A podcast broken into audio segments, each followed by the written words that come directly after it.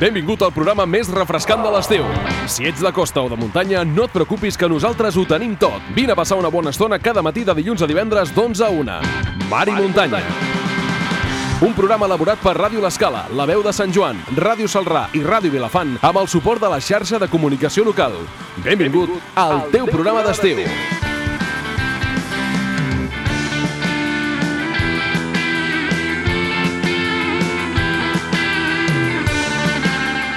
Molt bon dia, benvinguts al Mar i Muntanya, benvinguts un dia més en aquest eh, projecte radiofònic que fem possible a diferents ràdios de la demarcació de Girona, Ràdio L'Escala, Ràdio Salrà, eh, La Veu de Sant Joan i Ràdio Vilafant, amb la col·laboració també de Ràdio Llançà i ens escolten també a Ràdio Montgrí. Uh, si us sembla, uh, per anar obrint boca al programa d'avui, uh, anem a descobrir quin dia mundial és. Víctor, explica'ns. Uh, el dia mundial dels Beatles, eh? A més a més, ens tens una peça preparada uh, per, per poder uh, explicar aquest Dia Mundial, que, què hem de dir dels Beatles, no? aquest grup que ha deixat uh, tant de sí, a més a més, uh, amb una pel·lícula al, als cinemes uh, sobre, sobre els Beatles. Uh, Víctor, ens poses una peça? Mira, escoltem els Beatles.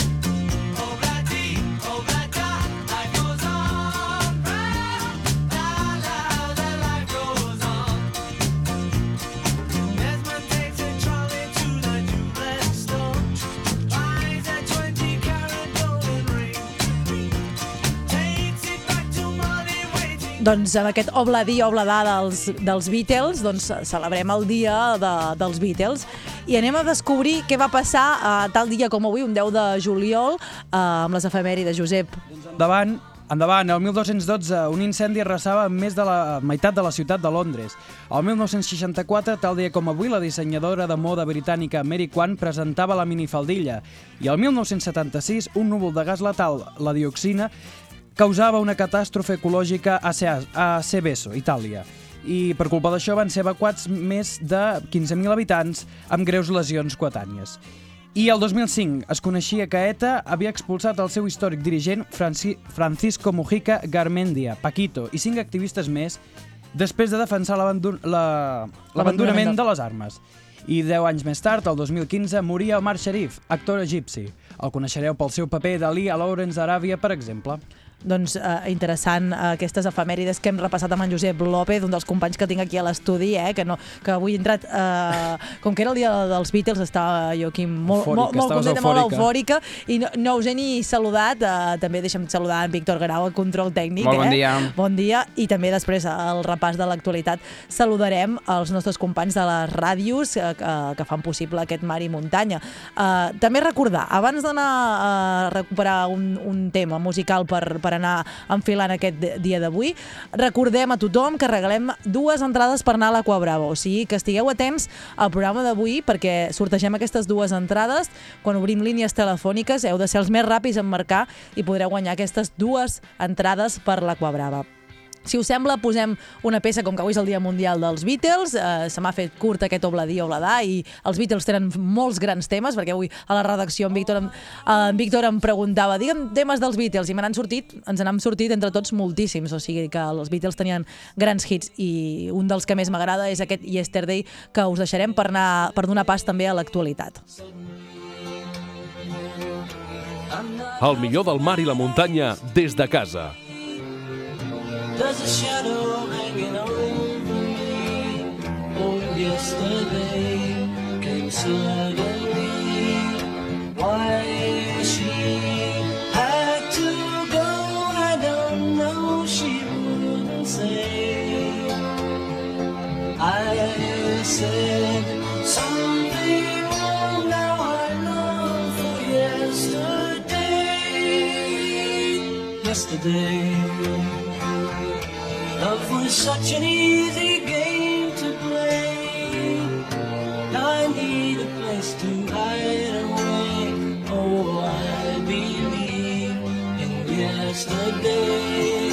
Why she had to go, I don't know. She wouldn't say.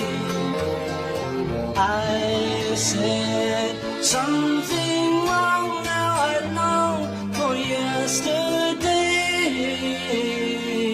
Yesterday. Love was such an easy game to play. I need a place to hide away.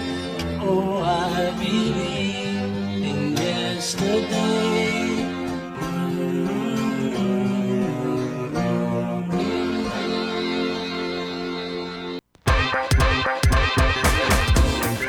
Doncs ha arribat el moment, després d'aquesta cançó que ens ha donat energia, eh, en aquest dia de, dels Beatles, aquesta cançó amb un punt melancòlic, ha arribat el moment de saludar els nostres companys de les diferents emissores que ens porten una mica a l'actualitat, que ens expliquin de què estan pendents en el dia d'avui. Anem a saludar, anem cap al mar, anem cap a Llançà, anem a saludar en Quim Agustí des de Ràdio Llançà. Què ens portes, Quim? Bon dia. Bon dia des de Ràdio Llançà. Uh, molt bé, aquí Llançà amb una temperatura de 28,2 graus, una mica de tramuntaneta que fa que l'ambient sigui sec i, i un dia que, que s'hi està molt bé. Comencem a fer el repàs de les coses que tenim aquests propers dies i avui, avui a les 8 del vespre a la Casa de Cultura de Llançà tenim cinema, cinema gratuït, cinema infantil gratuït, amb la pel·lícula Ralph rompe internet. I farem un repàs també a les coses que passaran en, aquesta, en aquestes festes del Carme, que comencen el dia 12 de juliol, aquest divendres, i acaben el, el dimarts dia 16. Per exemple, repassarem els concerts que tindrem a la nit. El divendres dia 12, tots en l'aparcament del port, tindrem els balls amb el grup Stop 80 i després el DJ Sarau. El dissabte 13, a les 11 de la nit també, tindrem l'Orquestra Maribel i el DJ serà una altra vegada. I el diumenge 14, a partir de les 10 de la nit, tindrem les habaneres amb el grup Ultramar i Terra Endins, amb els dos grups, després els focs artificials que comencen a les 11 de la nit, una hora abans del que s'havien començat altres anys, i després, al cap de mitja horeta, quan acabin els focs, continuaran les habaneres amb els mateixos grups, Ultramar i Terrandins. Recordar també que per aquestes festes del Carme hi haurà un parell de punts liles en el, en el recinte de la festa per lluitar per denunciar l'assetjament sexual o la violència masclista o tothom que, que tingui algun problema d'aquest caire doncs, es podrà acostar en aquests punts liles. I també, per acabar, recordar que el diumenge 14, en la platja del Port de Llançà, pel matí hi haurà el mullet per l'esclerosis múltiple un mullet per l'esclerosi múltiple que a part de llançar també eh, a la piscina de Vilafant eh, també hi haurà, o sigui, si voleu col·laborar doncs podeu col·laborar, doncs, eh, com ens deia en Quim Agustí a llançar o també ho podeu fer aquí a Vilafant. Gràcies, eh, Quim. Ara anem cap a muntanya, anem cap a la veu de Sant Joan amb en Guillem Planagumà, que avui ens porta un tema que té a veure amb, amb el tren a Tosses. Explica'ns, Guillem, bon dia. Molt bon dia, com anem? Doncs sí, aquí estàvem pendents eh, ahir al vespre d'un petit ensurt eh, ferroviari que vam tenir aquí al Ripollès i és que un tren a l'altura de Toses de la línia R3 va tenir un petit descarrilament. No va ser eh, una cosa greu, però sí suficient com per endur-se un ensurt de les 38 persones que viatjaven en el comboi. La cosa va passar a vora a les 9 del vespre i tan sols hi van haver, això sí, dos ferits eh, lleus que van ser atesos allà mateix i van ser dos ferits eh, doncs, eh, afectats per ansietat en res, eh, en, en cap cas doncs, eh, res eh, físic. El tren encara a hores d'ara està tallat amb operaris de Renfe que ja estan eh, fent proves i eh, es preveu doncs, que cap a final del dia d'avui es pugui reprendre la normalitat. Eh, estan pendents doncs, de, de si retiren el tren, de si el poden tornar eh, a afegir i, i en tot cas en seguirem eh, informant a través de les nostres xarxes. I parlant de xarxes, eh, aquest descarrilament va generar de nou eh, una mica doncs, de conflicte i de polèmica a través de, de Twitter, ja que doncs, eh, es, es creu, i avui aquest matí s'ha sabut doncs, que una de les causes que indica que seria la més possible doncs, que és la causa d'aquest despreniment, uh, d'aquest descarrilament, perdó, és justament un despreniment uh, de roques. I dic doncs, que aquesta polèmica ve doncs, perquè just en el tram de l'R3 uh, pràcticament des de Sant Quirze de Besora fins a Puigcerdà uh, pel risc de despreniments doncs, el tren uh, ha d'anar a una velocitat uh, ridículament uh, uh, lenta, jo que he estat usuari doncs, d'aquesta línia durant uh, molts i molts anys, uh, viatjant doncs, cap a Barcelona, uh, us ho puc uh, constatar, i uh, doncs, això afegit amb el fet doncs, de la petició de ja fa anys de desdoblament de la línia, ara mateix doncs, en aquest tram que acabo de mencionar, tan sols ja una via, doncs eh, són retards constants. I bé, en tot cas això, la- l'anècdota de que a través de Twitter doncs eh, Uh, hi va haver aquest uh, tipus de polèmica. Obríem avui doncs, amb aquesta notícia uh, d'aquest uh, descarrilament, que en tot cas es va quedar ahir al vespre amb un ensurt, i us vinc a parlar doncs, a, tot, a continuació de l'eruga del boix. Si ara fa un parell de dies aquí al Mar i Muntanya us en parlava i us mencionava doncs, uh, aquesta uh, plaga que tenim aquí al Ripollès d'aquesta eruga del boix, d'aquestes acres que es converteixen en, uh, en acres després, amb aquestes papallones, no? aquestes uh, papallones de nit que, que, que els hi diem aquí, doncs que han estat absolutament una plaga que cada estiu teníem, però que aquest estiu i també des de l'any passat gairebé doncs han esdevingut uh, una, una plaga. Uh, doncs per conèixer una mica més de, de, de, de què es tracta aquesta plaga, uh, hem volgut parlar amb el Joan Montserrat, uh, l'enginyer, un, un dels enginyers forestals del Parc Natural de la Zona Volcànica de la Garrotxa, doncs, que ens explicava d'entrada que les notícies uh, no són bones. Ens explicava doncs, que aquesta uh, espècie és una espècie invasora que arriba des de l'Àsia, una mica doncs, amb aquesta uh, voluntat de Uh, que tenim nosaltres de voler consumir fruita doncs, de tot, de, que no sigui de temporada durant tot l'any amb aquests viatges doncs, que fan uh, aquests uh, creuers i aquests uh, avions uh, des de l'altra punta del món és com ha arribat aquesta espècie invasora doncs, que està destruint gran uh, part uh, del. Uh, escoltem el, el, la conversa que vam tenir amb el Joan Montserrat, aquest enginyer forestal del Parc Natural de la zona de la Garrotxa, que ens explicava doncs, que les notícies no són especialment bones. Si no, són, ja, la notícia és, és, és greu, és molt greu, perquè eh, això és una, una, un problema que, que no ens hi havíem trobat. O sigui, que hi havia una espècie exòtica i que ens afecti una espècie tan principal com és el, el boix, és una qüestió molt greu, perquè clar, això alterarà completament doncs, molts ecosistemes de la comarca. Mm. A nivell de jardins, doncs, això no és tan greu perquè es pot tractar, però a nivell forestal, doncs, eh, clar, és, és un problema que, tant a nivell de, de l'alteració d'ecosistemes com a nivell de, de que quedi molta biomassa seca al bosc i hi hagi un risc d'incendi forestal és un problema doncs, que, que ens hi trobarem. Eh, De moment, eh, el que s'ha vist és que només mengen boix, o sigui, és una espècie que es diu monòfaga. Aleshores, si s'acaba el boix, s'acaba l'oruga, s'acaba la plaga. Mm. Eh, clar, eh, segurament el sector forestal doncs, passarà això, i allà on hi hagi boix hi haurà altres espècies que, que substituiran, ja sigui grèvols, ja sigui ballaners, altres espècies de sotabosc que substituiran aquests, aquests boscos, i a la zona urbana doncs, passarà d'això que, que a les zones ajardinades hi haurà d'haver un tractament continu, com passa amb altres espècies, no? altres espècies d'arbres de, de zones de, Això és el que ens deia Joan Montserrat, aquest enginyer forestal del Parc Natural eh, de la Garrotxa, i també doncs, li vam voler preguntar una mica quines solucions eh, pot eh, tenir a nivell de, doncs, això, de com, què podem fer-ne per desempallegar-nos, i ens deia, doncs, com, com ens explicava aquí, que les notícies no són bones, que única, una de les esperances pot ser una baixada radical de temperatures. De fet, ahir i abans d'ahir, doncs, que aquí al Ripollès han fet pluges, se n'han vist menys, però tot i així ens comentava Montserrat que no és suficient doncs, per matar-les, en tot cas hauria de baixar les temperatures fins a gairebé eh, 0 graus. Un dels perills doncs, que els quals estem més pendents i dels quals també és notícia aquí al Ripollès és que tanta massa seca al bosc, doncs, com que mata els boixos, augmenta el risc d'incendis i fa que, doncs, que aquí al Ripollès a dia d'avui estiguem en risc d'incendi, una cosa que és gairebé eh, inèdita. I ja per acabar de l'actualitat, parlant de l'actualitat de Ripoll, un apunt eh, d'agenda eh, doncs, eh, que parla, eh, en aquest cas, del municipi de Ripoll, i és que ahir es va saber doncs, que els Diables de Ripoll animaran els capvespres al monestir de Ripoll, eh, com ja fa un parell d'anys que ho fan, i és que doncs, els propers tres eh, divendres eh, de, de, de juliol doncs, eh, podrem veure espectacle, l'espectacle Cels, Inferns i Diables doncs, just davant de la portalada de Ripoll, vora eh, quarts de nou de, al vespre. Això és tot a, al Ripollès. Ens quedem doncs, amb aquesta proposta que ens fas des, de, des del monestir de, de Ripoll, interessant. Ara anem altre cop cap al, cap al mar, anem cap a l'Escala, anem cap a Ràdio l'Escala amb en Juanjo López, que ens porta eh, dos, eh, ens parlarà de dues comissions de l'Ajuntament de l'Escala. Oi, Juanjo, bon dia. Doncs sí, tema important i és per això que comencem amb l'actualitat, ja que es creen dues comissions per facilitar el seguiment de temes principals entre govern i oposició a l'Ajuntament de l'Escala. El ple ordinari del mes de juliol, celebrat aquest dilluns, ha aprovat la creació de dues comissions informatives noves, amb la voluntat de facilitar el seguiment de temes que siguin d'especial interès de forma coordinada entre govern i oposició.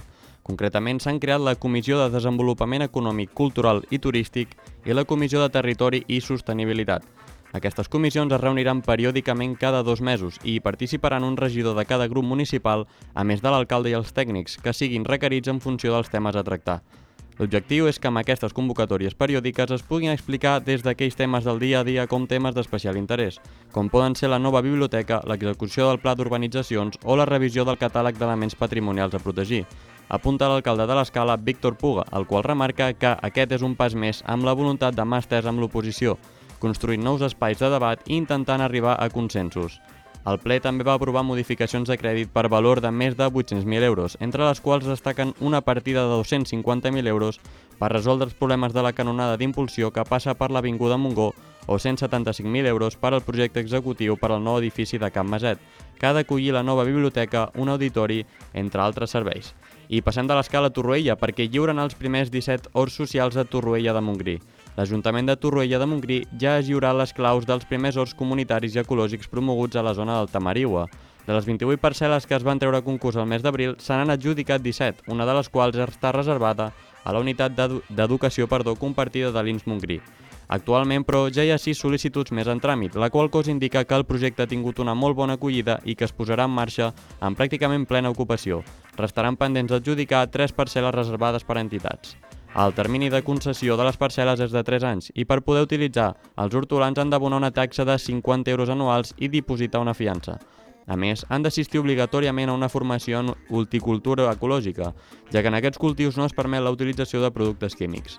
El nou equipament municipal vol fomentar la convivència i l'ús dels principals ecològics per conrear la terra.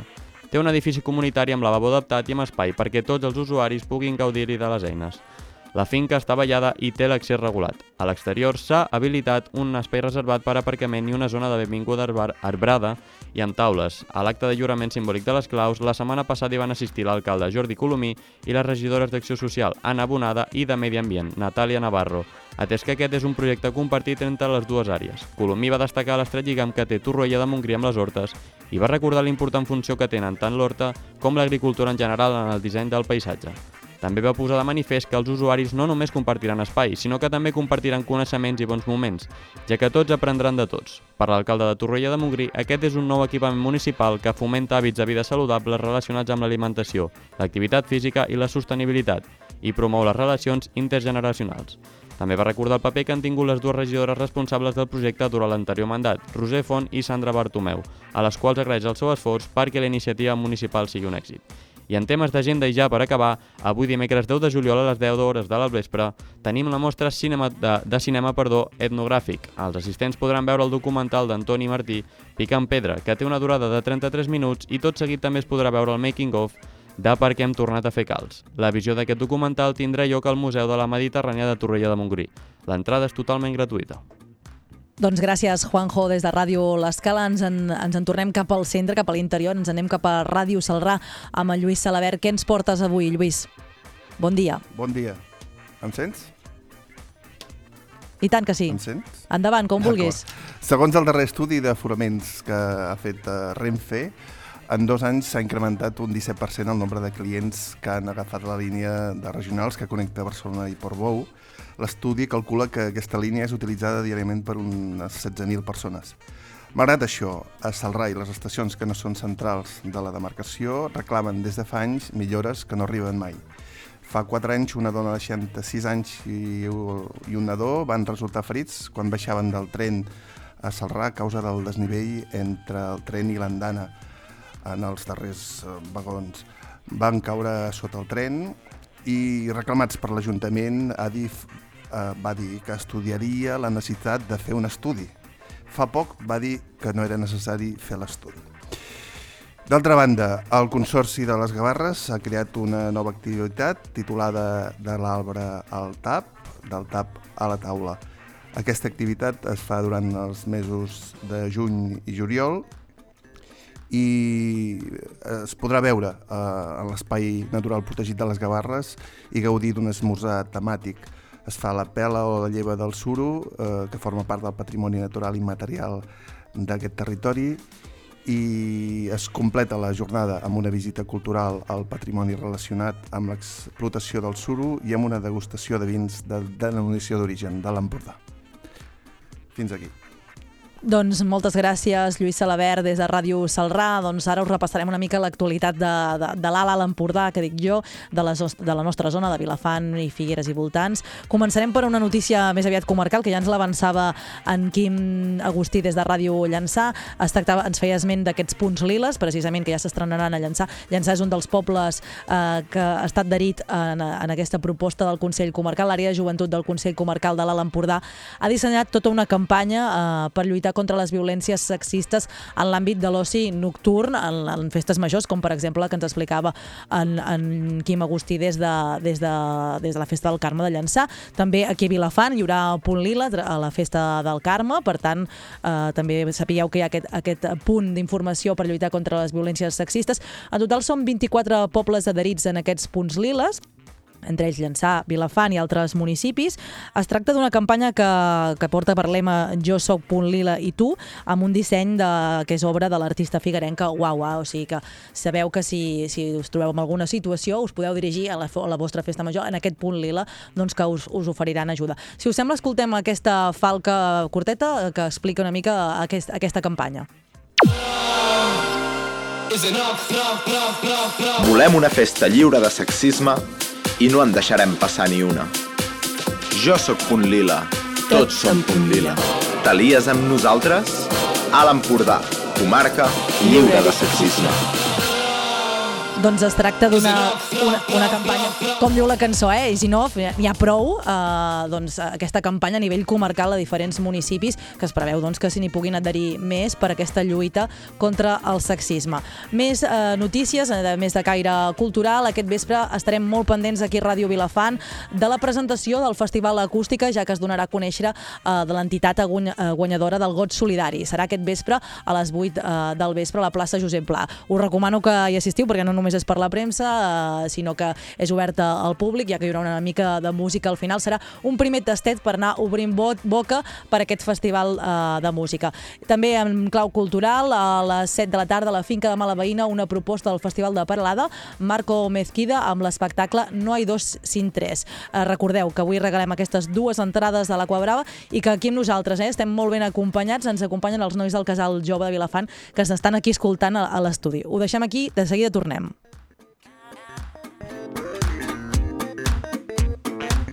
Mar i Muntanya, un programa de Ràdio L'Escala.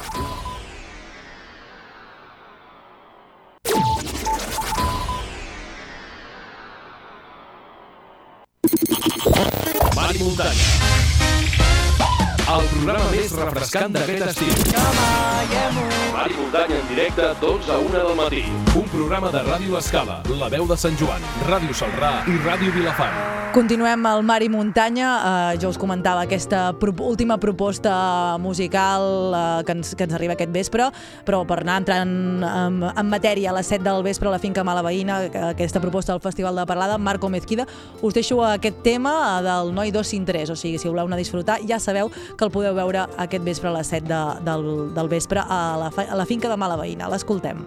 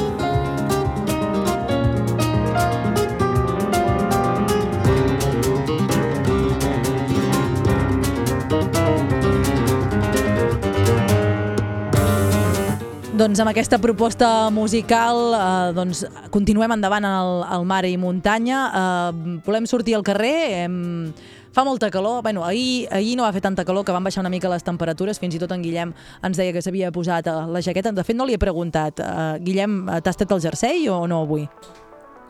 Doncs aquí, a al al vespre, gairebé que sempre, durant tot l'estiu, sempre ja és, és una cosa que s'ha d'agafar. Però sí, sí, ahir al vespre, ai, ahir al matí vaig venir, amb la, vaig venir a l'emissora amb jersei, avui han tornat a pujar una mica les temperatures, més que res perquè està una mica més destapat, però, però sí, sí, ahir i abans d'ahir, eh, més irregularment o menys, pluja tota l'estona i bé, avui potser ens en salvarem, però sembla que per demà doncs, torna a pintar malament. Sí, aquí- almenys aquí a Vilafant eh, doncs, fa bastanta calor de nou, eh? Podem Mhm. dir que surt el sol. No sé, Salrà, volem l'informe piscina, Lluís Salabert. Eh, com tenim l'informe piscina?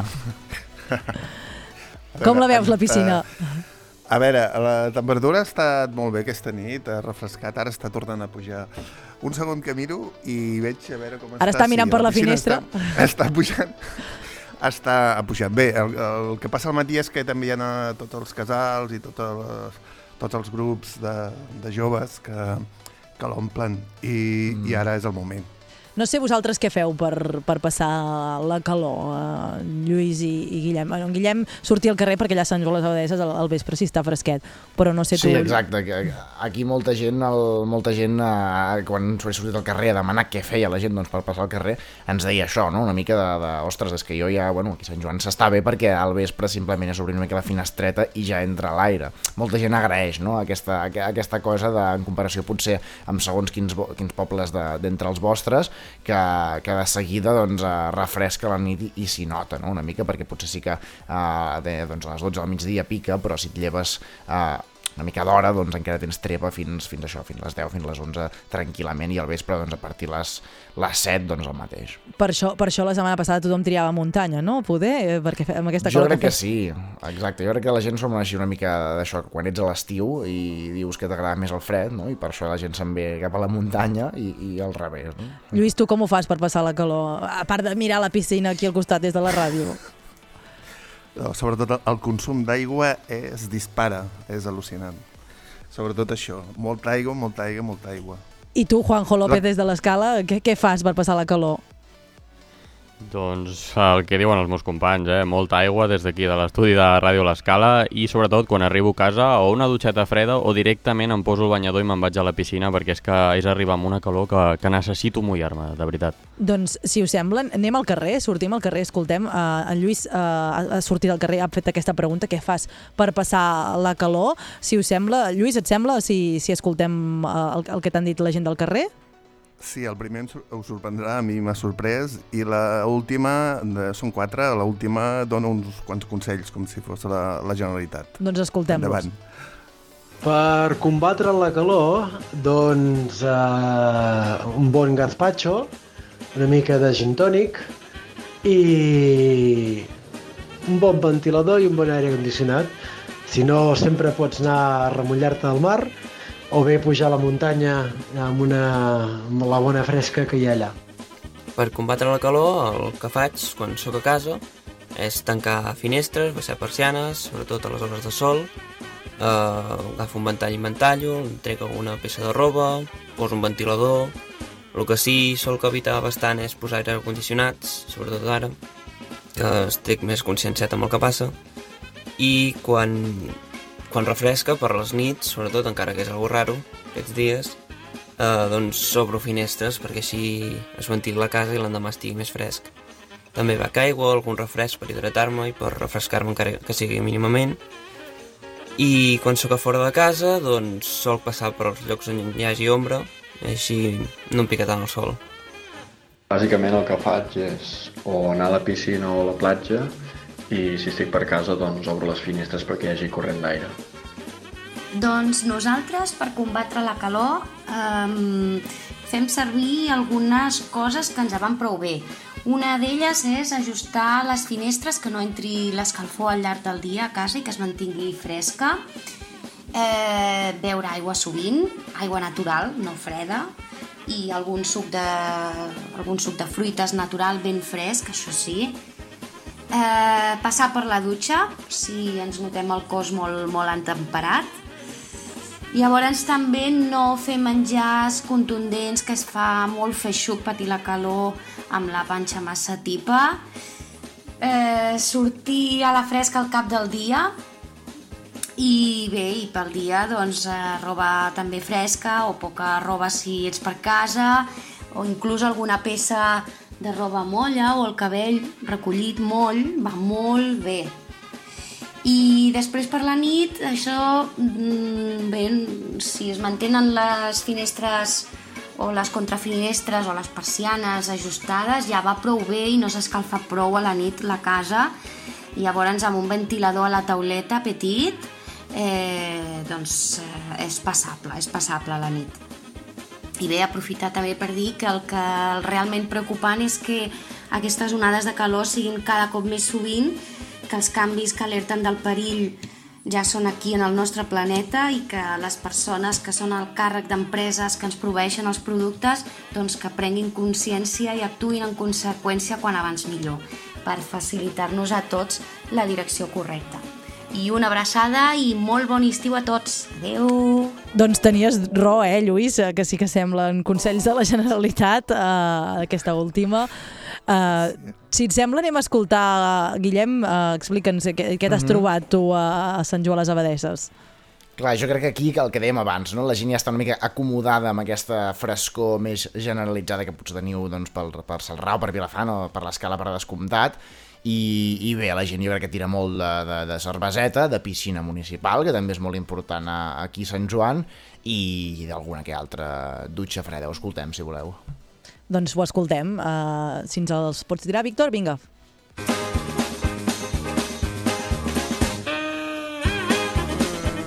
Una mica de piscina i, si es pot, una terrasseta amb una cerveseta fresca. La terrassa. No, jo normalment per passar la ens vaig a la piscina o a la platja i estar en remull perquè últimament el sol que està tocant ara i les altes temperatures del meu poble són molt altes i, i fa molta, molta calor. Per tant, has d'estar a la piscina i després sí que a la nit costa molt de dormir, però el que faig és deixar la finestra oberta i dutxar-me abans de dormir amb aigua freda i així poder passar la calor uh, mínimament. Interessants aquestes respostes, eh, des de la veu de Sant Joan, des d'en Guillem. Nosaltres també hem sortit al carrer que ens expliquessin eh, doncs, la gent eh, què, què fa per passar aquesta calor que està fent aquests, aquests últims dies. Ven- Ventiladors, tancar persianes, doncs són algunes de les respostes que, que hem pogut eh, escoltar. Si us sembla, eh, les escoltem totes plegades i després comentem. Pues normalment, no sé, poso l'aire condicionat o, o, bueno, intento estar a l'ombra.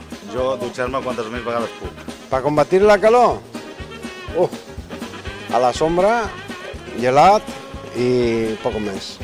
Igual un, un agua con hielo y la, y la playa, por supuesto. Què faig per combatre la calor? Doncs a la platja, dutxa freda, no sé, un bon, una cerveseta amb els amics, a la terrassa. Eh, anem passejant per aquí, bueno, prenem alguna cosa i ja està. Sí, ja està. Anar a la platja i sobretot a anar a la piscina i, i pues, entrar a la nevera també, entrar a la nevera. Beure molta aigua i estar en llocs fresquets. Si me l'ombre, je reposa. Mettre le ventilateur. Ai, mira, uh, estar a casa amb l'aire condicionat. Banyar-se a la piscina. Eh? Banyar-se a la piscina? piscina. I mira, ara, avui, ara els hi deia, avui a la nit hem de baixar a la piscina i ens banyarem. Sofà, sofà i obert aquí, o sigui, obrir les... Deixa... Que, no, que no entri la calor a casa, és el més important, eh? O sigui, a l'hora que toca el sol aquí, baixat, el, que a l'hora que toca el sol allà, baixat. O brut aquí o brut allà. Tinc, tinc l'aire condicionat, però no el fico, perquè el millor és això. I dutxa. Dutxa al matí, dutxa a la tarda. Ficant l'aire condicionat. aire condicionat a tope i res, i portar roba fresca i beure molta aigua. I, i, i llegir còmics, a saco. Uh, hem menjat un gelat, això sí. Piscina mm, i molt de ventilador. Sí.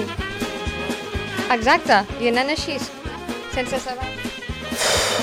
Piscina de casa dels sogres, no? Nosaltres. Piscina i poquet més, la veritat, o gaire. Sortir a les hores que no fa gaire sol i així i beure molta aigua, molta aigua.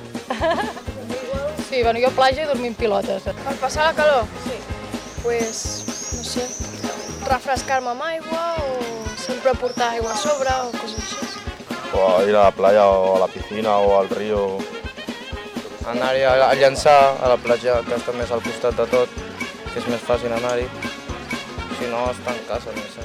Doncs aquestes respostes, ha algunes molt originals, com entrar a la, la nevera. Em deixeu, companys de les altres emissores, que pregunti aquí, que tinc el públic eh, dels nanos joves de, del casal de, Ju de jovent d'aquí Vilafant. Que, què feu vosaltres uh, per, per passar la calor? Jo normalment com, mm, fico l'aire condicionat o me banyo a la piscina i si estic fora de casa m'enduc un ventilador petit o molta aigua. Doncs eh, bona resposta eh, aquesta. Nosaltres hi posem una mica de música, ens, nosaltres ens refresquem amb, amb, amb les melodies que ens posa en Víctor Grau aquí al Mar i Muntanya. Anem a, a música i després ens hi posarem en forma. sol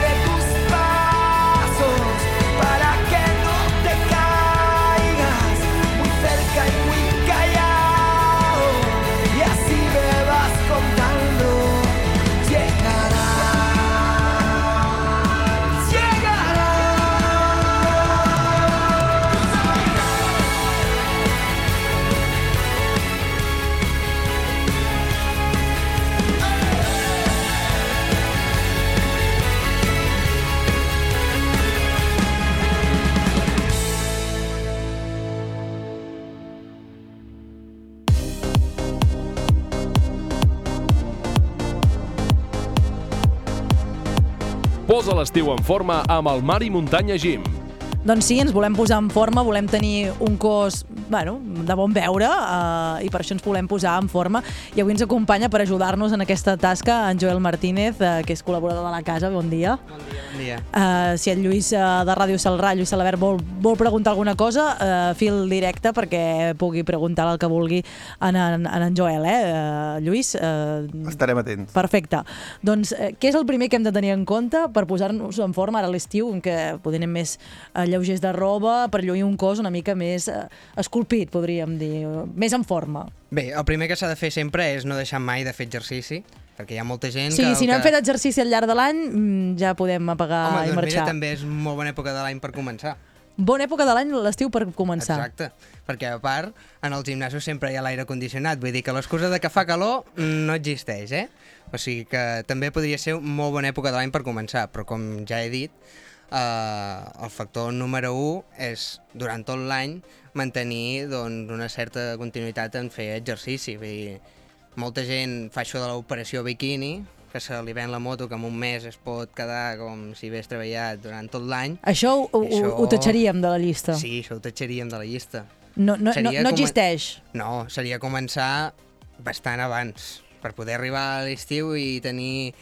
Segurament seria el cuerpo perfecto, que també hi ha el factor genètic, això és veritat. Hi ha gent que és més propensa a muscular-se i altra gent que li costarà més. Però si es comença allò pues, 5 mesos abans o així, mi, sí, 6 mesos, mig any, després a l'estiu s'arriba i estem en forma. Tu, tu recomanaries fer exercici sempre, no? Hombre. Durant, la- durant l'any, no, no només per posar-nos en forma No, a no. A l'hivern, no? Operació Torró també també podríem fer. Sí, sí, sí, sí. S'ha de fer exercicis sempre, sense... Bueno, amb els períodes de descans, que, són dos dies a la setmana, de- s'han de, fer, diguéssim. s'han de fer vacances de fer exercici o no? Bueno, es poden fer, però hem de pensar que al cap d'un mes ja es comença a reduir tot el que s'ha fet. Val, o sigui, mm, no una fer més d'un mes de peron d'exercici. Exacte. Una persona normal i corrent de, de carrer, diguéssim, el que no està competint, el que no se'n va a cap, cap Sí, nosaltres que important, treballem a la ràdio, que per estar en forma eh, nosaltres, per exemple. Doncs serien 4 dies a la setmana, dos de descans, o 4 dies a la setmana, 3 de descans, perdó. I quin tipus d'exercici ens recomanen? Nosaltres que, no sé, no sé tu, Lluís, eh, des de Salrà, si, si ets molt de practicar esport o qui, mm, allò fort o, o, o no? Uh, jo tinc una pregunta per un amic, eh? És per un amic. Per un amic, Per un amic, Això eh? que No és per tu. digues, digues. Això que dius de començar de zero, a l'estiu, o un entrenament progressiu, eh, què fas primer? Si dius, va, aquest estiu comença de zero, eh, a què comences? 20 minuts caminant, què fas? Bueno, bé, això també dependria del que es vulgui De aconseguir. No, Sí. del que vulgui aconseguir. Per exemple, si algú vol agafar més massa muscular, a part de que haurà de parlar amb un preparador professional, nutricionista, i sempre que sigui un preparador de veritat i un nutricionista, perquè ara, com que es fan cursos així a la lleugera, molta gent diu que és nutricionista i no ho és, això s'ha d'estar molt al tanto. El primer seria això, perquè pensem que el 60% seria el menjar, és el més important, Després tindríem el 30% que seria l'esport que es fa i el 10% que seria el descansar, que és molt important descansar perquè pensem que les fibres musculars, mentre s'està fent l'exercici, no s'està creixent muscularment, sinó que se creix quan estem descansant. I referent a la pregunta de què seria el començament, doncs bé, com ja he dit, depenent el que es vulgui fer. Si el que es vol és definir, normalment es fa bastant de cardio, i després els aixecaments de peses, doncs els intervals són eh, moltes repeticions a una intensitat més baixa. En canvi, si es vol agafar molta musculatura, el que es fa és que, a part que el dietista et posa, doncs, et marca els carbohidrats i proteïnes que t'has de, de prendre, després els exercicis són d'alta intensitat i menys repeticions. Això que deia Lluís d'anar a caminar eh, mm, seria, sí, això seria un bon començament, el cardio, no? Sí, seria el començament. Hem de pensar que en el començament no pretenem aixecar 200 quilos a, Clar, a perquè pes mort. l'endemà estarem amb unes agulletes eh, impressionants, no? Eh, Sí, això s'ha de però- combatre, no? Ho has de passar? Les agulletes, jo que diuen de l'aigua amb sucre, això és una tonteria. Vull dir, les agulletes es combaten en fent més exercici el dia següent. Fins que el No has dit el mínim. Di- el, el mínim, mínim. serien 30 minuts Sí, normalment es diu que el mínim són 30 minuts d'exercici. Però una persona que acaba de començar, entre que fa, diguéssim, el quart d'hora de cardio, per no sé què, acabes fent una hora de gimnàs. normalment acabes fent una hora de gimnàs. I ara que estem a l'estiu, eh, podríem substituir aquest cardio d'anar a caminar per, per, per fer unes quantes piscines, no? Eh, Sí, tant, la piscina és un dels exercicis que es fa que s'exerciten més músculs. L'esquena, braços, cames, quasi tot el cos. Mm, mm, Quantes piscines eh, per començar? Clar, és que Això depèn, ja, de, depèn de la sí piscina, que la ja llargada... Depèn de la, de la piscina, la llargada que tingui i la persona. És que sempre hem de tenir el factor El que humà. aguantes tu, no? Que cadascú aguanta el que pot. Clar, eh, ara que estem a l'estiu, que fa molta calor, abans comentàvem que fa tanta, tanta calor, eh, parlant de calor i, i exercici, eh, hem de tenir- Hidratació ens hem és fonamental. Hidratació i ens hem d'escoltar el nostre propi cos, no? Una mica. Sí, i tant. Bueno, el que està prohibidíssim és a plena hora del sol anar a córrer o fer footing o anar amb bici. S'ha de tenir molt al tanto. Et pot donar un cop de calor i quedes extasiat allà al terra. I s'ha de tenir molt al tanto a les hores de calor i sempre anar ben hidratat. L'aigua ara és fonamental.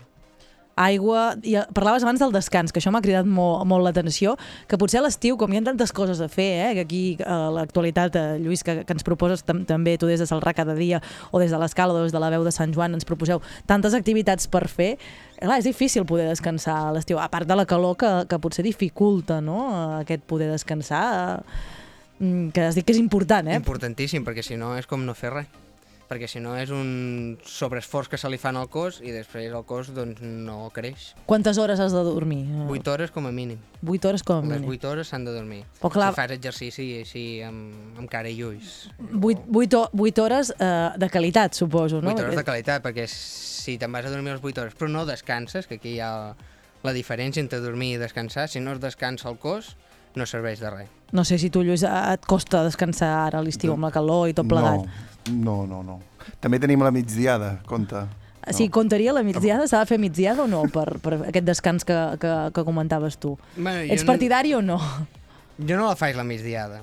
Faig les 8 hores de la nit dormides segui seguides i ja està. A més a més, ara estic amb un preparador i el que faig és que jo haig de menjar cada 3 hores. Clar, això és un altre factor, no? Sí, sí, el tema de la musculatura i tot plegat, menjar poc i sovint és la clau? Clar, tornem a estar allà mateix. Quin és el teu objectiu? És agafar més massa muscular, és fibrar-te, és baixar de pes. El baixar de pes normalment és més fàcil. Et posen la dieta, la segueixes, l'exercici de cardio i amb això normalment es baixa.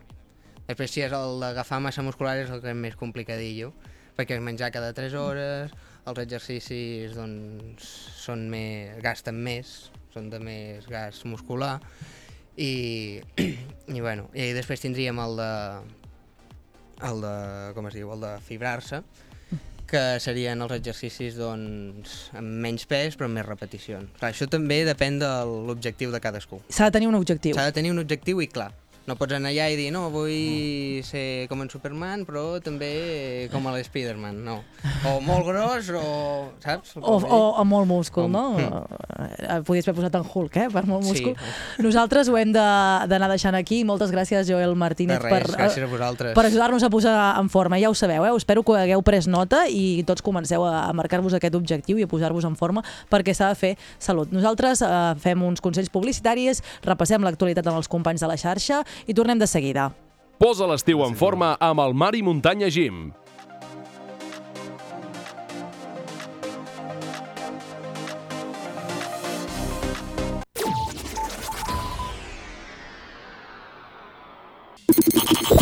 Mari Muntanya.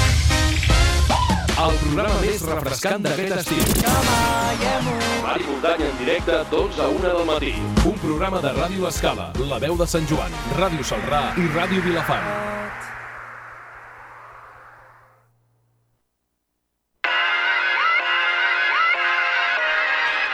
Doncs ens hi tornem a posar aquí al Mar i Muntanya, el programa que fem conjuntament Ràdio Salrà, la veu de Sant Joan, Ràdio L'Escala i Ràdio Vilafant, amb el suport també de Ràdio Llançà i Ràdio Montgrí, que ens escolten. O sigui, des d'aquí els, els saludem tot això gràcies al suport de la xarxa de comunicació local. Ara el que volem fer, eh, avui no és dijous, avui és dimecres, però hem canviat una mica l'ordre, perquè l'ordre dels factors no altera el, el producte.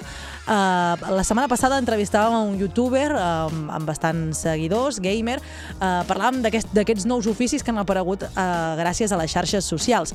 Avui aquí als estudis eh, m'acompanyen tres sisters a la moda. Elles són instagramers, eh, podríem dir que són una família d'instagramers, són la, la Marta Insa, la Laura, la Marta i la Laia. Eh, benvingudes a, a l'estudi. Moltes gràcies. Moltes gràcies. Mare i tres filles, i a més a més també està implicada l'àvia, que, que avui no, no ens ha acompanyat, però també hi està implicada. Tenen diferents edats i elles, doncs, a través del seu compte de- d'Instagram, que si les voleu seguir és Tres Sisters a la moda, doncs van penjant eh, doncs, diferents coses que fan amb, amb, amb roba, amb diferents propostes de roba de, de moda. D'on sorgeix això de, de, de, de, de crear Tres Sisters a, a, a la moda, de, de crear aquest, eh, Bueno. aquesta compte d'Instagram? Va sorgir una mica entre totes, ja que nosaltres des de molt petites ens agrada la moda i això. I bueno, sempre li demanàvem a la mama que si ens podia fer fotos de com anàvem vestides. Sí. I fins que li vam saturar la seva compte d'Instagram. Saturar, què, què vol dir això de saturar? Sí, bueno, que quasi totes les publicacions que feia eren nostres. I clar, va veure que els likes creixien de manera que es notava molt i al final va decidir obrir una compte per nosaltres però sense cap finalitat, o sigui, així per diversió i això. Eh, I la petita també després s'hi va afegir. Tu també t'agrada això de, de que et facin fotos amb, amb la roba que portes?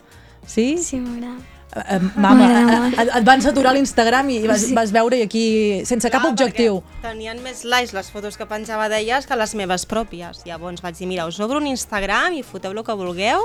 I jo els hi anava portant, bueno, penjant les fotos que es feien i res, al cap d'un mes ja, ja ens van enviar Sí, una va ser marca. molt ràpid sí. tot. Molt ràpid, això. En un Sí, mes, un les mes- marques us van interessar per vosaltres. Sí, sí, sí, un mes ens van convidar a la primera desfilada i, i ens van enviar la roba. Uh, dèiem, els seguidors, eh? do- 12, vaig, vaig, mirar-ho Sí. sí. ahir, 12.000,6 eh, mil seguidors, vull dir, Exacte. i quasi bé 5.000 publicacions. Com, com funciona això? Com us estructureu a l'hora de, de, de decidir les publicacions? Ho pacteu? No ho pacteu? Uh, sorgeix? Com, com funciona? Bueno, sorgeix depèn d'on estem, perquè quan anem a algun lloc també pensem en fer publicacions i això perquè la gent hem vist que li agrada molt més el que fem al dia a dia, no les publicacions que són molt posant i així especials.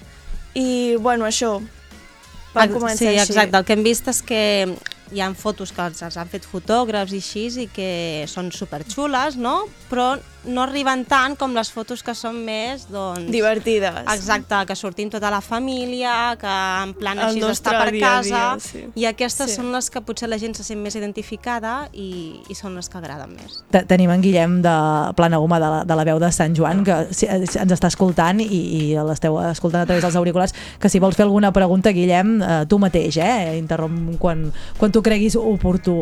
Eh, les, clar, Bones. Sal- sal- D'entrada a saludar-vos, ara estic ara aquí uh, cotillejant el, el vostre Instagram i la veritat és que, que, ostres, que fa patxoca i és curiós el projecte, molt bé, vull dir, és una mica diferent, no? D'entrada, potser, pregunto, eh, no ho sé, potser aquest tipus de, de, de, de, de comptes de- d'Instagrams a vegades són més focalitzats en, en una sola persona, no? I vosaltres potser una mica la cosa diferent és que sou tres i que a més a més, doncs sou germanes. Sí, tres germanes, i la mare i també l'àvia, eh? També, Exacte. també, també surt. Sí, és perquè familiar. aquestes comptes normalment solen ser noies joves, clar, no tenen criatures, amb un altre poder adquisitiu, que porten roba amb marques d'aquestes més Sí. un altre nivell, no? Més Diguéssim. top, podríem dir. Exacte. Sí. Llavors nosaltres, clar, som gent real que ha dit jo, una mare que ha dit jo tinc 39 anys, la meva mare en té 62, i bueno, doncs amb tres criatures, família nombrosa, llavors és com potser més real i per això també tenim el nostre públic.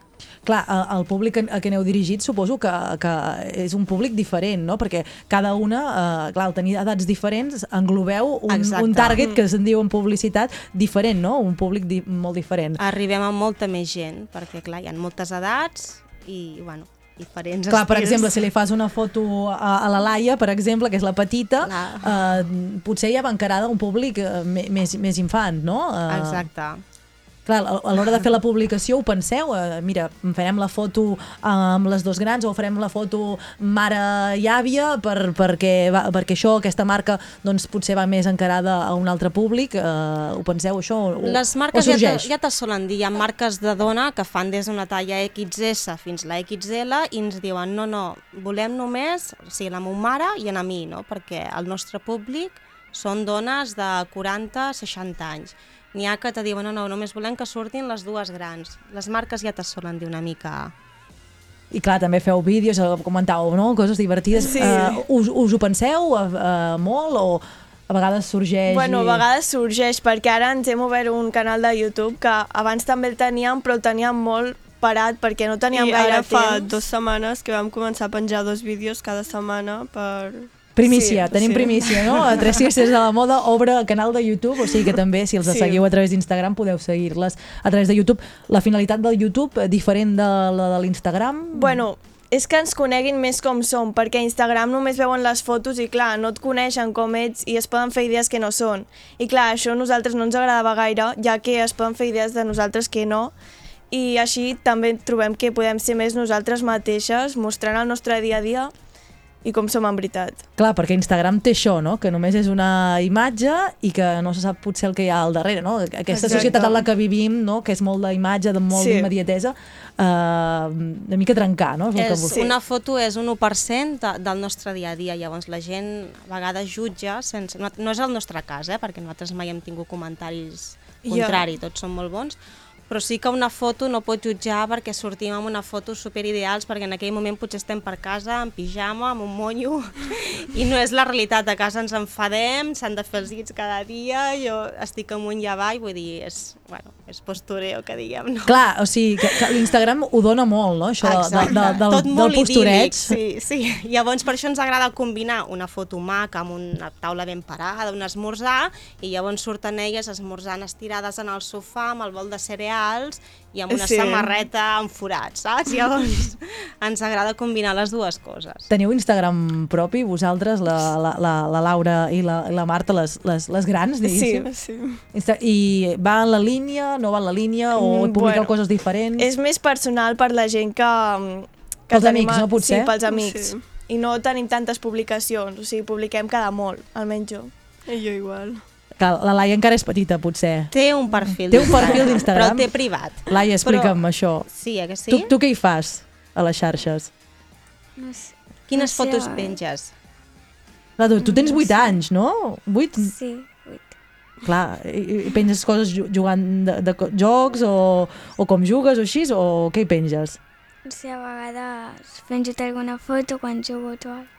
Amb els animals. Sí, alguna foto també juntes, les tres i coses així. Però selfies així d'estar per casa, o sigui, repensat. Clar, clar, entenc que el Tres Sisters és més uh, pensat, més professional, podríem dir, Sí, i sí. l'alt- els altres personals són més personals, no? Això... La Laia el que li agrada molt és fer vídeos per YouTube. Que ja Ah, ets més youtuber, quants. llavors. Llavors els ajudaràs amb el canal que, que acabeu d'obrir, no? Ja ha penjat Sí. algun vídeo, ella, eh que sí? I quin tipus de vídeos teniu previstos uh, fer, si en teniu algun que ja Bueno, s'hagi pensat o que ara- estigueu editant, que puguem desvetllar? Bueno, l'altre dia vam penjar el 30, co- uh, 30 coses de la Laia i 30 de la Laura i ara falta el meu, que encara l'hem de, gravar, de gravar. 30 coses I- eh, eh, de sobre quin estil? nosaltres, Sí, sobre vosaltres.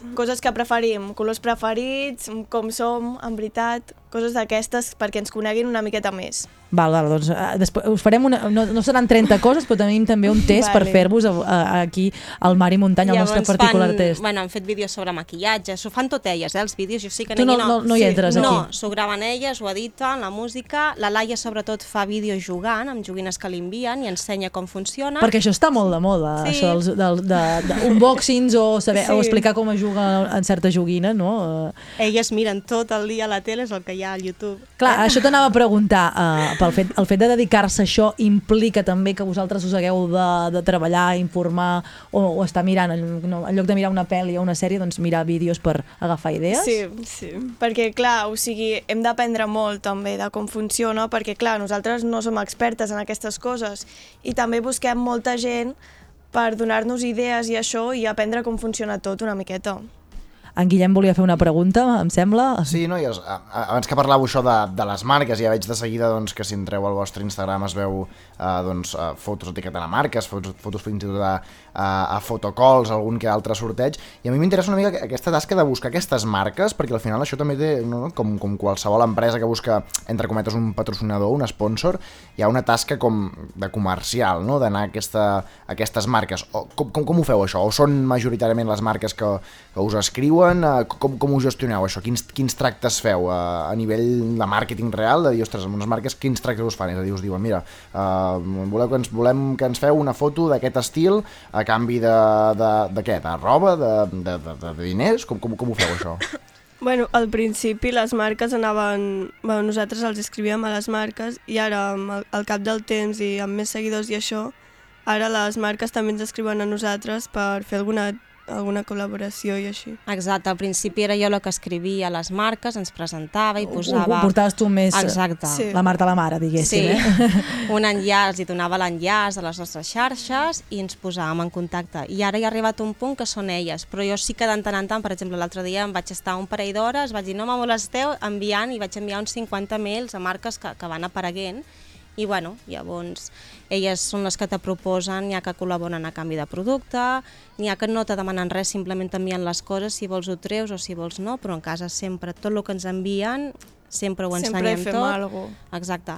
Llavors, eh, n'hi ha que te, hi ha com un petit contracte que has de signar que te diuen, mira, tantes publicacions entre aquests dies, dues fotos, un vídeo, el que sigui, eh, sempre totes ens donen el producte i, i depèn, n'hi ha que te paguen, n'hi ha que no, però te donen forces coses, llavors, bueno, depèn. Pre pregunten per aquí els estudis uh, si es pot viure d'això o és un complement. Es pot viure perquè n'hi ha moltes que Sí. viuen. Ha, clar, nosaltres no estem al nivell, elles coneixen més, no sé qui hi ha... Sí, la Dulceida, Paula Gono, que ja tenen un milió de seguidors a Instagram. I clar, això és... Clar, per bueno, poder-ne viure has de tenir molts més seguidors dels que teniu vosaltres. Sí, tampoc gaires més, però sí, un mínim has de tenir. Clar, a més Sí. a més has d'anar fent coses noves sempre, no? Uh, Sí, perquè si no et quedes estancat i clar, has de tirar endavant sempre, perquè si no, sempre és el mateix. Clar, uh, l'entorn suposo que us deu ajudar o no? Ara, ara us ho volia preguntar. Elles, no ho hem explicat, elles són de Campmany, un poble d'aquí de l'Alt Empordà, està bastant proper a Figueres. Uh, també diguem les edats, eh? Me deixeu que digui les edats? Sí, sí. La, ma- la mare ha dit la seva. Uh, 15 i 14, uh, ho Sí, dic bé? sí.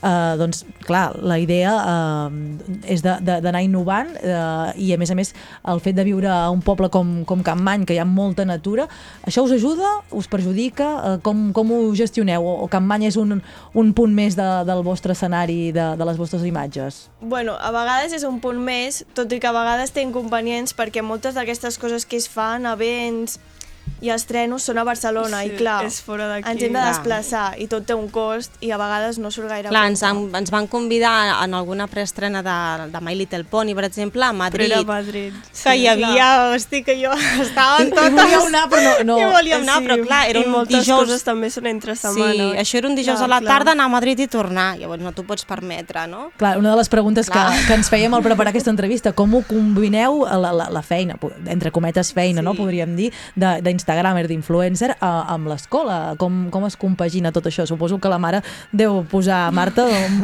unes normes molt estrictes, no, aquí?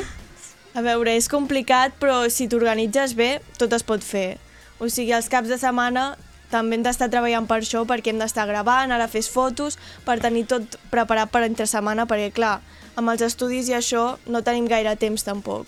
Clar, entre sí que- setmana i menys a l'hivern, que quan arriben ja és fosc, no podem Ja. fer cap foto. Llavors, A entre- l'estiu encara, però Sí. l'hivern es posa fosc super aviat i això. Alguna foto estudiant, no? També, perquè dèiem la vida real. Sí, a, a vegades ha sortit la Laia Sí, fent sí. deures, o elles que es graven. Com... Però que són les fotos, tot és entre a cap de setmana. A vegades Sí. agafem el cotxe carregat amb tot de roba... Amb i, maletes i sí. això, i cap a algun lloc. Al, alguna anècdota d'allò, això que, que comentaves, ens en anem amb les maletes i a fer fotos, alguna anècdota, alguna cosa que us hagi passat així? Ostres, això és divertit d'explicar. Ara, ara, ara us agafo un fred, Sí, eh? no, no. A elles els hi fa vergonya, eh? Fer-se la... La foto, que si hi ha molta gent- Jo sempre dic, n'heu de tenir vergonya, i llavors quan ens toca a nosaltres, a la meva mare i a mi, llavors Eh, sí. jo la sí. que me poso, perquè home fa cosa, Home, la gent te veu allà i... Us veu, mo us veu molta gent, el que passa que potser no en sous conscients, no? La que penges la foto a Instagram et veu, et Sí. veu molta gent, no? I, però potser fa més, més vergonya quan els, els tens allà mateix, no? Exacte, sí. sí. Les, la, la vergonya podria ser la, la, la, el que marca, no? Aquestes experiències que, Sí, que heu tot tingut. i que arran d'això hem perdut molta vergonya, perquè abans era encara pitjor. Uh, um, dèiem les edats, eh? Sou, sou totes tres menors d'edat. Uh, hi ha vegades hi ha aquesta reflexió de si els nens s'han d'exposar a les xarxes o no. Uh, Marta, tu, tu com, com ho veus, això, com a mare i com a, Sí. com a membre de Tres Sisters de la Moda, que teniu tres, tres nenes menors? A veure, avui dia jo crec que qualsevol, amb la tecnologia que hi ha, tu pots estar tranquil·lament prenent alguna i el del costat te pot estar fent fotos. Vull dir, llavors jo crec que si fos tan perillós no hi hauria ni catàlegs de mainada, de roba, ni anuncis on te sortirien menors. Llavors tot el que es penja està controlat per mi. Inclús en els seus personals ha arribat un punt en què, mama, quina foto penjo, aquesta o aquesta? Llavors, tot el que han publicat en el de Tres Sisters i en els personals, tot m'ho ensenyen, perquè jo a vegades, que segueixo mainada, amics seus o coneguts, veig cada cosa que penso, els pares segur que no saben que pengen aquest tipus de fotos, saps? Llavors jo trobo que ho tenim molt més controlat nosaltres que no a vegades la mainada, que no, no és conscient del perill que hi ha, saps? A vegades al penjar segons quines coses, llavors jo no tinc cap tipus... Clar, tu creus que el fet d'estar involucrada amb elles, de fer-ho conjuntament Sí. amb elles, això et porta que també en els seus personals et consultin, no? Exacte, sempre, sempre. Algun consell en alguna mare que tingui mainada adolescent, no? que, que, que li preocupi precisament Sí. això, la imatge que pugui pensar, penjar el seu fill o filla Sí. a les xarxes? Jo crec que és això, deixar-los molt clar que poden penjar una història i ara tothom penja que es borren, però és que qualsevol te'l pot guardar, et pot fer una captura, i llavors jo crec que és la confiança que tenen pares i fills. Jo sempre els hi dic, jo us deixo fer les coses, però abans vull que m'ho digueu, i si un dia és que no, vull que sapigueu el per què, no? Llavors, tot es pot fer, però cada cosa al seu lloc. Doncs eh, dèiem eh, que fèieu aquests vídeos de 30, per- 30 coses de vosaltres. Hem dit que aquí al Mar i Muntanya no serien 30, són, són menys. Eh, doncs, si us sembla, entrem en aquest qüestionari breu. Eh, Guillem, si tu vols fer alguna pregunta d'aquestes així breu, tu, tu, tu mateix, eh? eh? Començo jo, si, si us sembla. Menjar preferit? Jo la pizza. jo també. Mm, jo el, el pollastre. Ah, està. Ma- La mama... Pasta. Pasta. Hidrats de carboni, aquí veig. uh, què espereu dels vostres amics? Amb una paraula. Confiança. Ara mateix, no sé. Jo el mateix que la Laura. Confiança. Sí, sí, jo també, També. diria que... Principal defecte? Uf, la vergonya. Jo també sóc molt vergonyosa. No m'ho no crec que sigueu vergonyosos. Molt, tingueu molt. dedicant-vos a aquesta Sí, feina. això. I tu, Laia? I jo el mateix. La vergonya. I tu, Marta? Mm, jo dubto molt de tot. Bueno, jo també, El dubtar de les coses, indecisió. Molt, soc molt indecisa. Molt. I principal virtut? Que em faig amb tothom, pràcticament. no sé. És que és difícil, eh? Treure's les virtuts, és, és difícil. Tu, la principal virtut? És difícil. No sé, me, me conformo força, vull dir, Que ets m'adapto. conformista. Sí, m'adapto força. Lloc ideal per viure? Aquesta és fàcil. Oi, no, ja està dirant... Que... Jo, en un lloc en platja. Un lloc en platja, vale. I tu? Jo, no sé, a veure... Em pensava que em diríeu Campmany, sense cap No, dubte. no, l'única que vol viure a Campmany qui és? Jo. La Laia. La Laia és l'única que tries Campmany. I tu, Marta? Jo també, un poble. Un sí, poble. un poble. És igual, però, Però un poble. Campany... Uh, uh, com, com, com veieu el món actualment, uh, avui en dia? És que és molt complicat. Com, com el definiríeu, el món? A veure...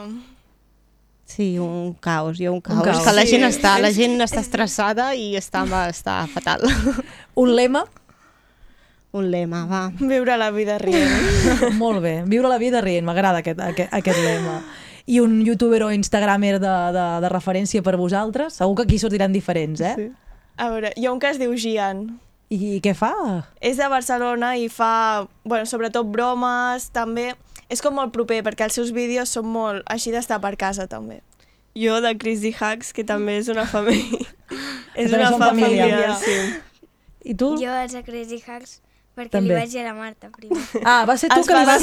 ella. Va ser la, la seva influencer. I tu, Marta, in- instagramer o, o, o Mm, Segue, youtuber? miro que el que me diuen les nenes, no en segueixo cap, però sí que sempre vaig a mirar el que elles segueixen.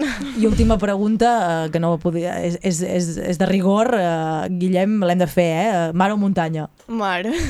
Muntanya. Jo les dues coses. Aquí hi ha diversitat. Guillem, no sé si em vols afegir alguna, a tu?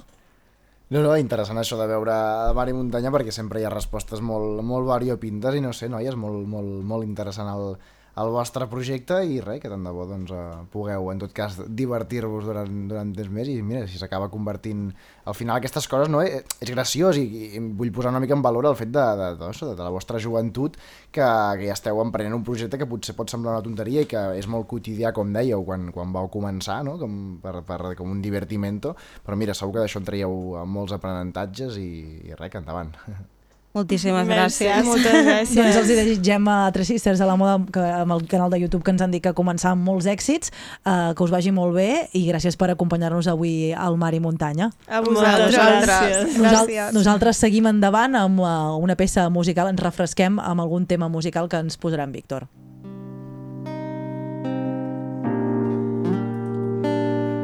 I've made up my mind. Don't need to think it over. If I'm wrong, I am right. Don't need to look no further. This ain't a lust. I know this is love. But if I tell the world, uh, I'll never say enough, cause it was not said to you. And that's exactly what I need to do if I end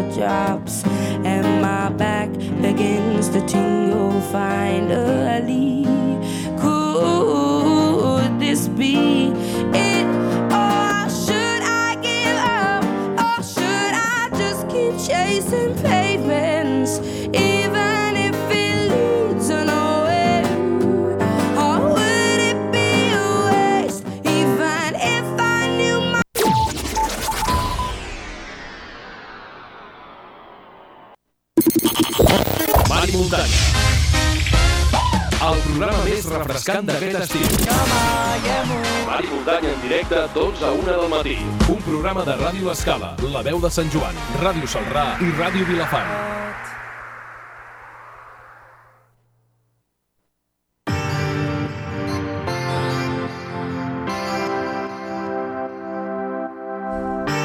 Doncs ja tornem a estar aquí al Mar i Muntanya després d'aquests consells publicitaris eh, que, hem, que hem rebut. Eh, anem a continuar endavant. Eh, volíem posar una proposta musical eh, que té a veure amb una entrevista. En Juanjo em va dir, posa aquesta cançó eh, i després t'explico exactament de, de què va el tema perquè ens parlarà d'un projecte interessantíssim que té a veure eh, a la natura, eh, amb la música també i, i, amb, i amb la fruita i amb l'agricultura.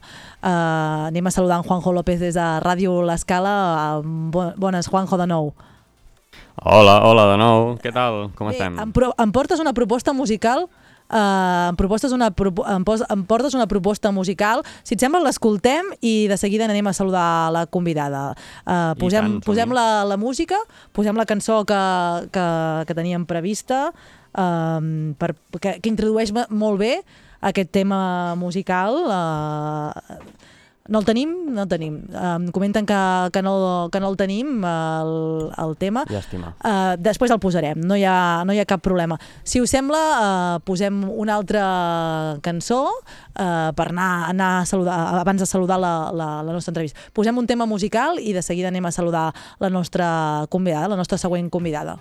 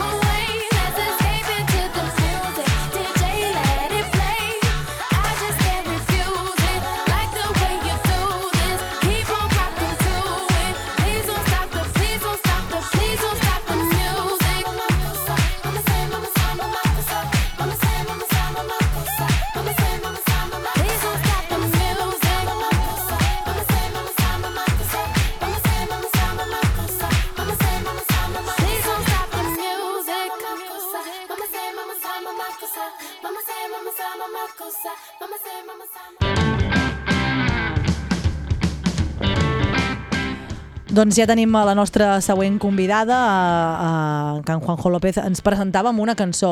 Uh, Víctor, la podem escoltar una, una, un fragment, uns minuts, i així uh, Víctor, en, en Juanjo López de l'Escala que m'expliqui per què ha triat aquest tema per presentar... Sortirem de Sant Feliu fins a la ratlla de França. Doncs aquest és el tema que ha triat en Juanjo per presentar la nostra convidada, l'escoltem. Poca vela i ben trempada. Bufa venteta garbi fins a la ratlla de França. Sortirem de Sant Feliu fins a la ratlla de França. A Palamós n'és bon port pel vent de la tramuntana. Bufa venteta garbi fins a la ratlla de França. A Begur corelladors que coreien a sa brava, a l'estartit peix fregit, jurioles a la brasa. Bufa venteta garbi fins a la Doncs aquest és el tema que, que ens proposaves, Juanjo. Uh, explica'm uh, quin tema, uh, per què has triat aquest tema i explica'ns una mica aquest, aquesta proposta que ens explicaran a continuació. Uh, uh, què és el que ens, ens explicaran? Doncs mireu, he triat eh, aquest tema perquè el canta la nostra convidada d'avui, que és la Mireia Mena, que ve al programa del Mar i Muntanya a parlar-nos sobre diversos projectes relacionats amb la natura, però abans d'entrar en detalls, uh, Mireia, m'agradaria... Bueno, hola, abans de tot.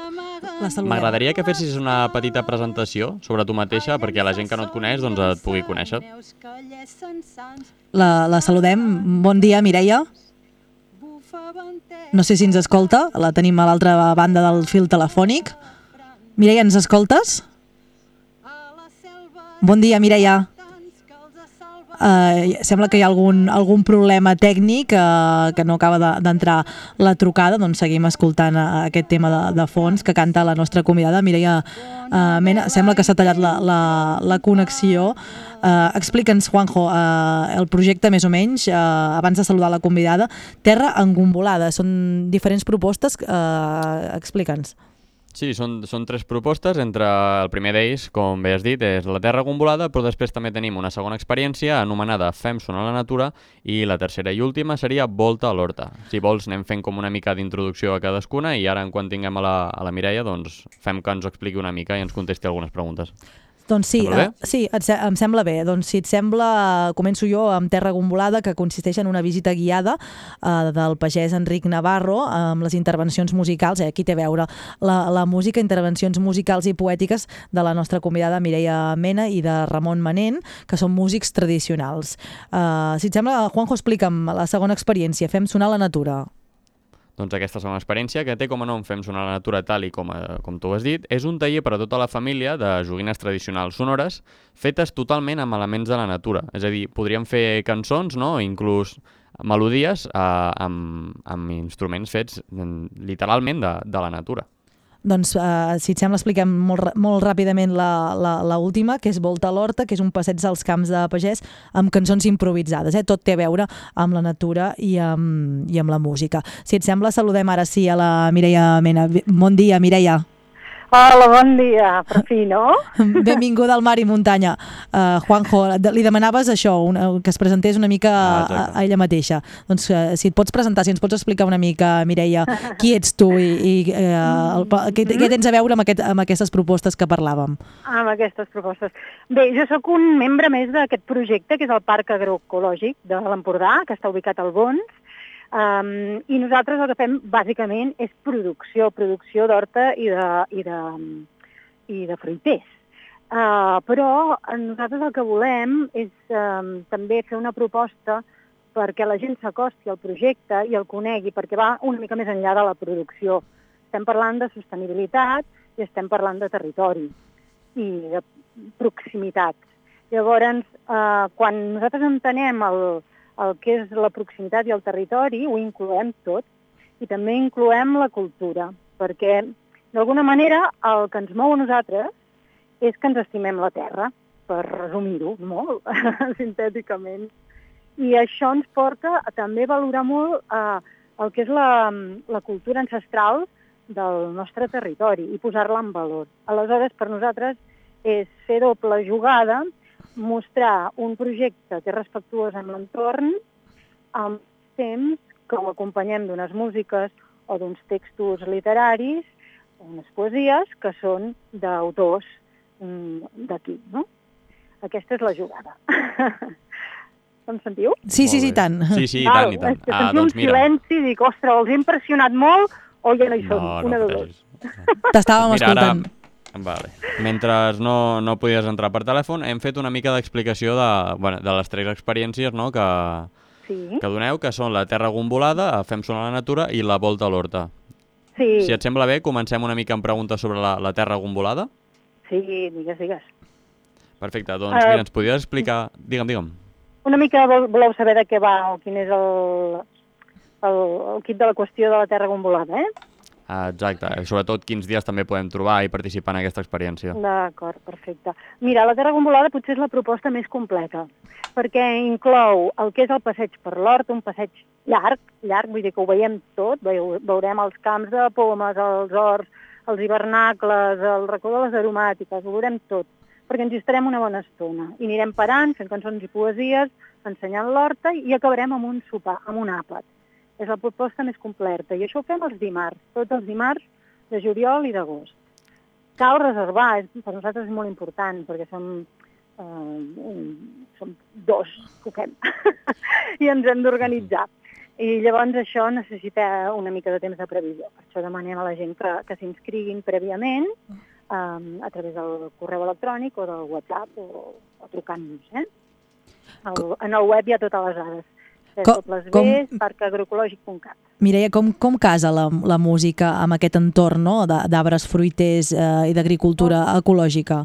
Oh, mira, és molt fàcil, eh? perquè mm, cançons que ens rememoren eh, l'entorn natural n'hi ha moltíssimes, o cançons que tenen lloc, la, eh, per exemple, l'argument de la cosa que està passant eh, a l'horta del meu pare, n'hi ha, no sé, 4 o 5 o 6 o 7 que jo conegui, que això vol dir que potser n'hi ha més, eh?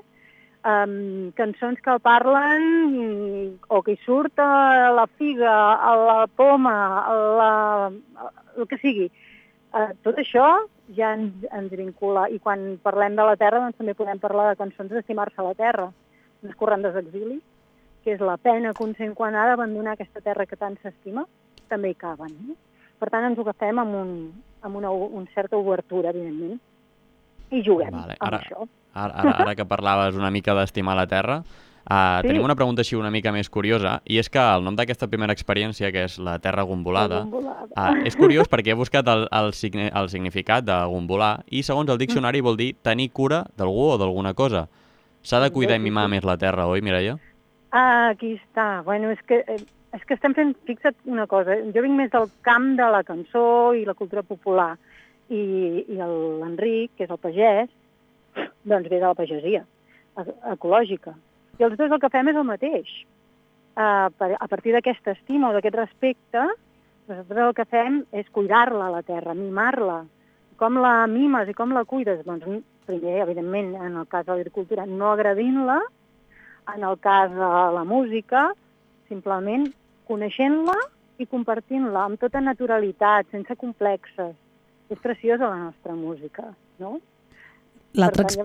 Mireia, l'altra experiència, fem, fem sonar la, la natura. Uh, Sí. Explica'ns una mica, un taller uh, per tota la família amb joguines tradicionals sonores fetes amb elements de, de, de la natura que podrem trobar en el, el mateix camp.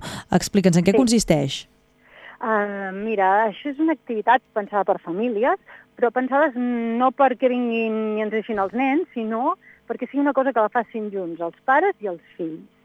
I això té dues parts, una de passeig, fem un petit vol més petit perquè els nens descansen abans, en què anem trobant-nos elements que resulta que sonen, ja, ja això no, no faré l'espoiler, si veniu ja us ho trobareu, i després fem una segona part que és un petit taller eh, a partir d'alguns d'aquests elements, però ja amb eines, fent servir eh, doncs, llimes o un ganivet o un punxó o el que sigui, construirem petites joguines que són les joguines amb les que es distreien els nanos de fa 100 anys o de fa 150 anys, eh, perquè no hi havia el plàstic i no hi havia les botigues de joguines i els nanos s'ho feien tot.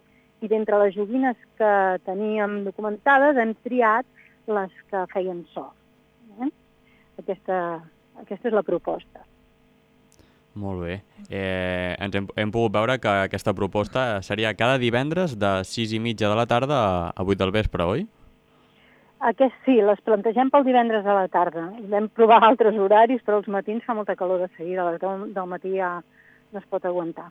Per tant, fem una proposta de tarda entrada perquè no passem calor, que l'estiu en fa. Està, està, ben, està ben pensat.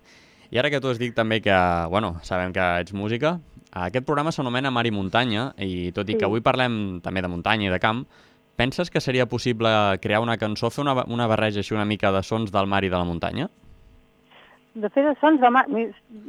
Sí, suposo que sí, constantment. Mira, ara em ve al cap una vanera eh, que es diu Pels carrers de Freixenet. És, un, és una vanera, però curi curiosament Freixenet, que jo sàpiga, està a la muntanya i de mar no en té. Eh, és la primera que em ve al cap, o sigui, és d'ajuntar mar i muntanya, no? Un ritme eh, eminentment marítim o associat al mar, però tradicional, amb una cançó tradicional recollida a Freixenet, que està a la muntanya. I l'última serveix. i l'última proposta que, en, que, ens, que ens aporteu és a la Volta a l'Horta, un passeig a, pels camps de pagès amb cançons Mhm. improvisades. Uh, exactament, uh, com, com és aquest uh, Volta a l'Horta? Bé, exactament és que quan les persones que tenen ganes d'apuntar-se a aquesta activitat venen, es troben amb l'Enric, amb el pagès, amb l'Enric Navarro. I l'Enric els porta a voltar pels camps i els explica una mica com funciona eh, la nostra manera de plantejar la- l'agricultura, els diferents cultius que hi ha, etc. I en acabar, la cirereta és eh, fer una mica de final de festa amb unes corrandes improvisades amb nyacres, amb garrotins, amb panderos o amb les tonades que siguin, que donin espai per poder improvisar els textos, que és una activitat de les que a mi m'agrada molt de fer. I és, és curiós perquè uh, si ajuntem aquestes tres experiències uh, ens porta tota la teoria de, que diuen, no? sobretot, que la música ajuda les plantes a, a créixer. I és curiós perquè m'ha fet molta gràcia perquè si relacionem els tres noms de, de cada activitat em, em fa pensar sobretot en, a, en aquest concepte. Ostres, doncs mira, no sé. La veritat és que si les plantes creixen aquí als nostres horts no és perquè jo els hi vagi a cantar, eh? Si de cas serà perquè senten les cançonetes dels ocells, que aquí n'hi ha moltíssims, perquè penseu que és una finca amb una biodiversitat espectacular. Això havia estat un camp, un camp de patates o de cebes, anaven alternant el cultiu, monocultiu, diguem, tot llis, tot pla, que re, ni un arbre, res.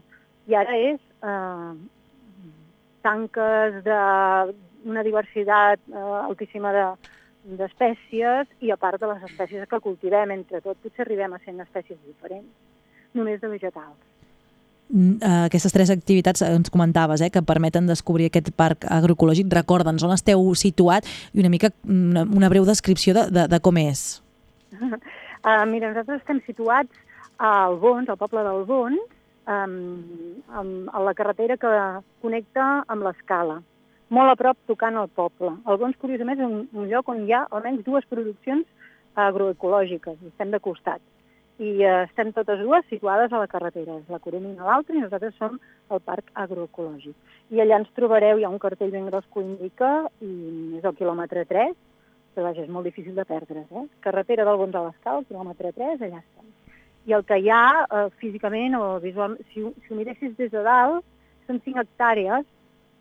Hi ha una part eh, que són que són pomeres, eh, fruiters, i llavors hi ha unes 3 hectàrees més o menys que són eh, exclusivament d'horta.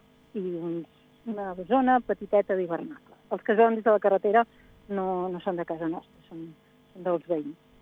Uh, els nostres hivernacles queden amagats. I ara ja, per acabar, dues preguntetes ràpides, Mireia, si em permets. La primera, a la gent que t'està escoltant, eh, recomanaries aquestes activitats per tothom? Per tothom? Uh, home, per tothom qui, qui li remogui una mica el que estic explicant, segur. Uh, per tothom uh, que, es, que es pugui bellugar, perquè la veritat és que no és un itinerari que estigui adaptat. Si vas amb una cadira de rodes, això no ho hem pogut, pogut atendre o no estem podent atendre en aquest moment. Mm, jo diria que sí. I cada un llavors també trobarà la mesura, si vol una activitat més lleugera de caminar, doncs tenim el Volta a l'Horta o tenim el, el, la de la Mainada i, i si la volen més completa, doncs llavors ens en anem a fer la Terra Gombolada. Perfecte. No sé si m'he ja sí, però- que em demanaves. Sí, sí, i tant. I ara ja per acabar, pregunta molt directa que te l'he de fer de manera obligada, com diguem sempre en aquest programa. Què prefereixes, mar o muntanya? Uh, jo muntanya, potser, eh? No ho sé. Tot m'està bé, una miqueta de cada, però al mar, quan hi ha molta gent i a l'estiu que fa calor, a mi no m'hi trobareu. A mi em trobareu més a terra endins. Però tampoc ben bé a la muntanya. A la plana, que hi ha entremig. Moltes gràcies, Mireia Mena, Merci. per presentar-nos aquest projecte i aquestes tres propostes. Gràcies, Juanjo López, des de Ràdio L'Escala, per acostar-nos a aquestes tres propostes interessantíssimes. D'acord. Gràcies a tu. Gràcies. Doncs continuem endavant perquè el que volem ara és eh, tirar la casa per la finestra i fer un dels nostres concursos. Ho hem dit al començar, ho hem anat dient al llarg del programa, regalem dues entrades per anar a l'Aqua Brava. Recordem eh, el nostre telèfon, el 972 54 63 02. 972 54 63 02. 972 54 63 02. Doncs ja ho sabem, ara posarem un, un tema, un tema de 80s, 90s, eh, perquè a petició meva, eh, perquè eh, també està bé recordar els 80, i tindreu aquest, el temps del tema per trucar i guanyar aquestes dues entrades a, a l'Aqua Brava, al 972 54 63 02. Eh, que tingueu molta sort. Fins ara! I'll be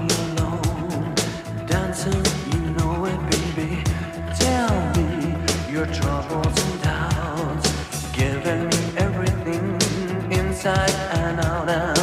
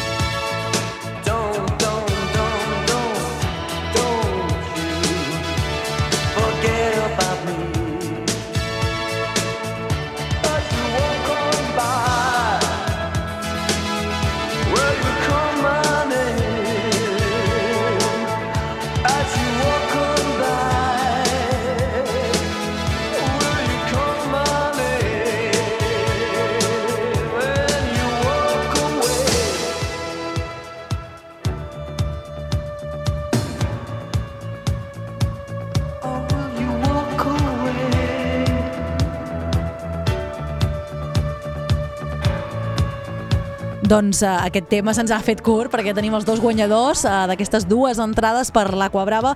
Si us sembla, els anem a saludar. L'aplaudiment, evidentment. Uh, anem, a, anem a saludar primer la Joana. Enhorabona, Joana. Gràcies. Uh, D'on ens truques? De Vilafant. Doncs enhorabona i que, que els gaudeixis. Moltes gràcies per escoltar el programa. Molt bé, escolta'm, una Digue'm, cosa. digue'm. Us he dit el número de telèfon, però us he, us he donat el meu.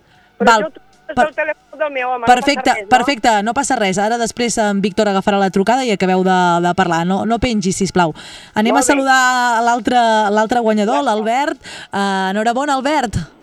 Hola, gràcies. D'on ens truques? Des de Figueres. Doncs enhorabona, gràcies per escoltar el programa. No pengis, que t'acabem de- d'agafar les dades. Moltes gràcies per trucar i participar. Gràcies.